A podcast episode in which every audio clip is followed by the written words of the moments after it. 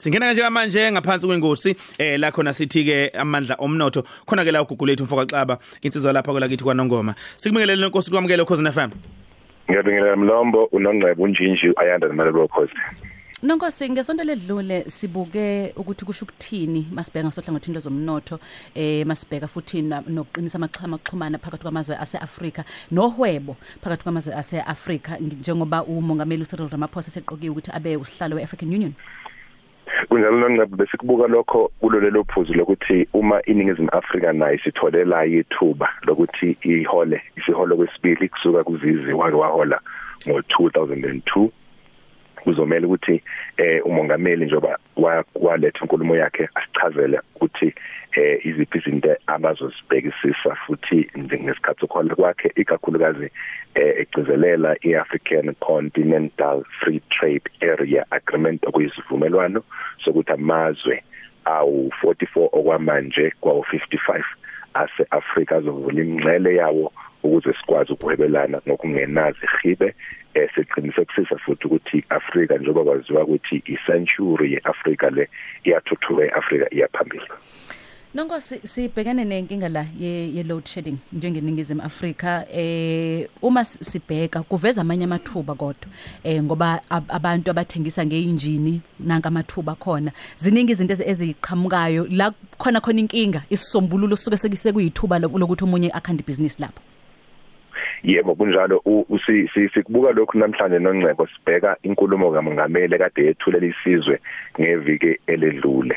Angiqale mhlambe ngokwami ngisho ukuthi ngikubone noma ngikuzwe kuyinkulumo ebe nohlonze kakhulu le umongameli kade yithula ngoba ibonakalisa ukuba nezinto ezingamaphuzu abalekile okusiza iningizimu Afrika ukuthi ithuthuke iye phambili kakhulukazi njengoba sazi ukuthi eh sisesi esigabeni lapho kungenamathuba emisebenzi futhi akuvumile wakubeka kwacaca ukuthi kuneyinkinga ezinkulu ezikhona. Eh akusilo ke kokuningi mhlawumbe uma ngadlula nje kulokhu uma ungalalela kahle inkulumo yakho uzothola ukukhuluma nangechweba laseThekwini ichweba laseThekwini yile likhulukazi eAfrika yonke futhi lingela amanye elikhulukazi emhlabeni othola ukuthi izinto eziningi zibhajwa khona eh ngesikhathi kufanele ukuthi impahla zihlale mhlambe eh uma kuphathwa namanye amachwebe insuwana nje noma amahora ihlala izinsuku isikhathi eside. Wakhuluma nokulethiswa kweinkampani kuthiwa uthatha one day manje. Kuyizinto ezinteleze sasishayela ihlombe. Sikholwe ke kodwa ukuthi laba abanikeza umsebenzi ukuthi bazenze kahle. Bazo bazozenza ngokweminyango kahulumeni. Nakho ke osukubalile esifisa ukuthi sikuphawule namhlanje khamisana nebusiness lobunjiniyela ikakhulukazi lika gas umongameli uchazileke lapha ukuthi iningizimu Afrika ngenxa yinkinga ebhekene nazo zika gas li load shedding yakwa Eskom eh sekufikelela esigabeni lapho uhulumeni omkhulu kazwelonke azovulela khona amathuba amakhulu ukuthi wonke umuntu ofuna uhweba ngogesi akwazi ukuthi ahwebe ngogesi akwenze lokho kwenzeke. Eh ithuba ke elingayizivele kakhulu nongcebo leli ngoba eh into engazange yenzeka eningizimu Afrika lesiyazi ukuthi sinawo eh, ama IPPs independent power producers seke kwasayinda futhi ivumelwano ehambisana nalokho ngaphambilini. Kodwa akuzange kwenzeka isigaba lapho kuthiwa khona wonke umuntu onolwazi noma ufuna ukungena ebusinessini lohweba ngogesi akathathi ithuba angene kulona. So ke yikho ke lokho esidasigcizelela namhlanje ngoba leli thuba lishoni nongcebo na? Leli thuba lisho ukuthi kusuka manje kuya phambili abantu abaningi aba engineer nabafisa ukwazi ukungena bazokwazi ukuthi basizwe uhulumeni ngisho nalapho beapply khona bethi bafuna ukuthola imvume sokwazi ukuthi bahwebe ngogesi ngase kube isemalokishini noma indawo zasemakhaya. Uma bezokwazi nje ukuziqoqa baqonda ukuthi ugesi usebenza kanjani uphehlwa kanjani. Khumbula isike sakhuluma kulolu hlelo ukuthi ugesi uphehlwa ngeindlela eziningi uphehlwa ngamanzi hydropower uphehlwa ngesola eh ukuthi yilanga uphinde uphehlwe futhi na nangelahle ifossil fuel. Uphehlwe nangeindlela eziningi nangomoya iwind power. So eh ku- kubalekile ke lokuthi abalaleli bokhozi bakuqonde ikakhulukazi labo abango-engineer. Eh ngoba uma kukhulunywa ngokuhweba ezigabeni eziningi ezezomnotho kuye kuvama ukusilela lokhu kobunjiniyela eh ngoba abantu abaningi bayakusaba noma futhi abaqonda ukuthi bangenza kanjani ukuze bangene ehwebeni eh ngokwe- kwezinto ezifana nogesi. So ithuba lelifana singene eh njengaba bantu abamnyama siqonde futhi ukuthi singakwenza kanjani ngoba usuzokwazi manje ukuhweba noma ukuphehla ugesi uphinde udayisele ngisho umasipala omasipala bangakini eh uma kuthi uhwebe futhi udayisele ngisho eh uEscom ufaka ugesi kwaEscom eh kwi main grid.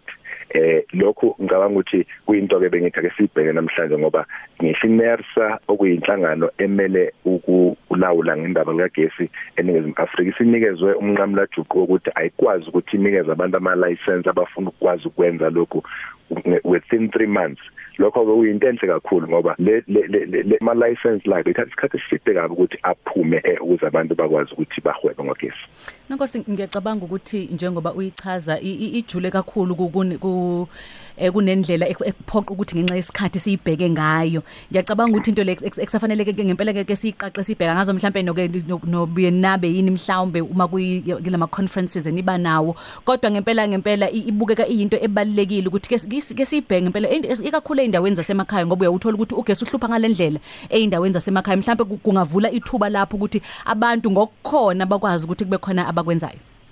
kunjalo lengcebo itu- i- i- ithanda ukujula kakhudlwana ngoba nesikhathi asikho ngoba ihambisana kakhulu ne- ne- ne ne- ne language yakhona ulimi olu technical eh oluhambisana nokuthi mawuhweba ngogesi u generator eh u transmitter kanjani u distributor kanjani onjiniyela abaqondayo lokho kodwa ngifisa ukusho lokho nongcebo kubaleke kakhulu ukuthi iningizimu Afrika eh ilahlekelwa unjiniyela abaningi ngesizathu sokuthi ayinayo ifocus kuloko kuthiwa i-research and development.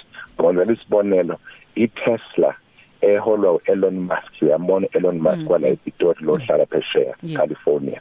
i-Tesla lena eh uma ungabheka izwe lase-America eh ubusibuka nayo Elon Musk azathutha ayohlala kulamazwe aphesheya. Nabaningi onjiniyela esinabo bayahamba eningizimu Afrika bayohlala phesheya ngoba bathola amathuba amahle kakhulu ukwazi ukungena bagcile eku-researcheni noma ekucwaningeni kabanzi bakhulise ubunjiniyela babo ngoba uma uphuma evarsity usuke unjiniyela ongakavuthwa.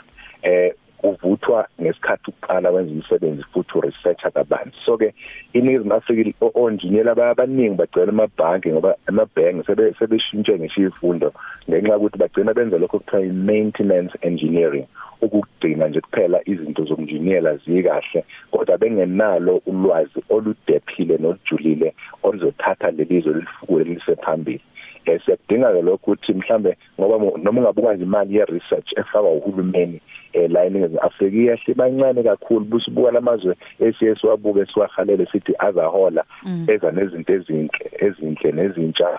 Ukuthi imali eningi yafakwa ku research and development wona Germany no America no England bonke lawo mazwe. Bese kuthi thina silokhu siproject engineer nje othola ukuthi bagcina be abantu abagijima bethunya bethatha ama technology abawathenga vela phesheya engena la eningizimu Africa kodwa bengakwazi ukwenza ama technologies amasha lokhu ngawuthi kuyithuba lengase likuvuleke lokho ukuthi ne research nje sigcilise eSouth Africa ukuze sikwazi ukukhula kakhulu kwezomnotho wobunjiniyela no nazo zonke izinto ezihambisana nakho Nankosi sesisonga eh office ukuthi axhumana nani akwazi axoxisana nani kwanamandla omnotho kunjalo. Sibonga iworkshop yethu hambe kahle ngosuku le Valentine abalaleli bokhozi bafika omningi babo. Yazulubulela izwe nonkosi bafika omningi babo bathokoze kakhulu. Sizobe sesingena ke kwi aggressive isikhathi sokuthi si raise ama funds kubasiza ngemsebenzi yabo abade befuna ukungena kuyona. Sitholakala ku amandla omnotho.co.za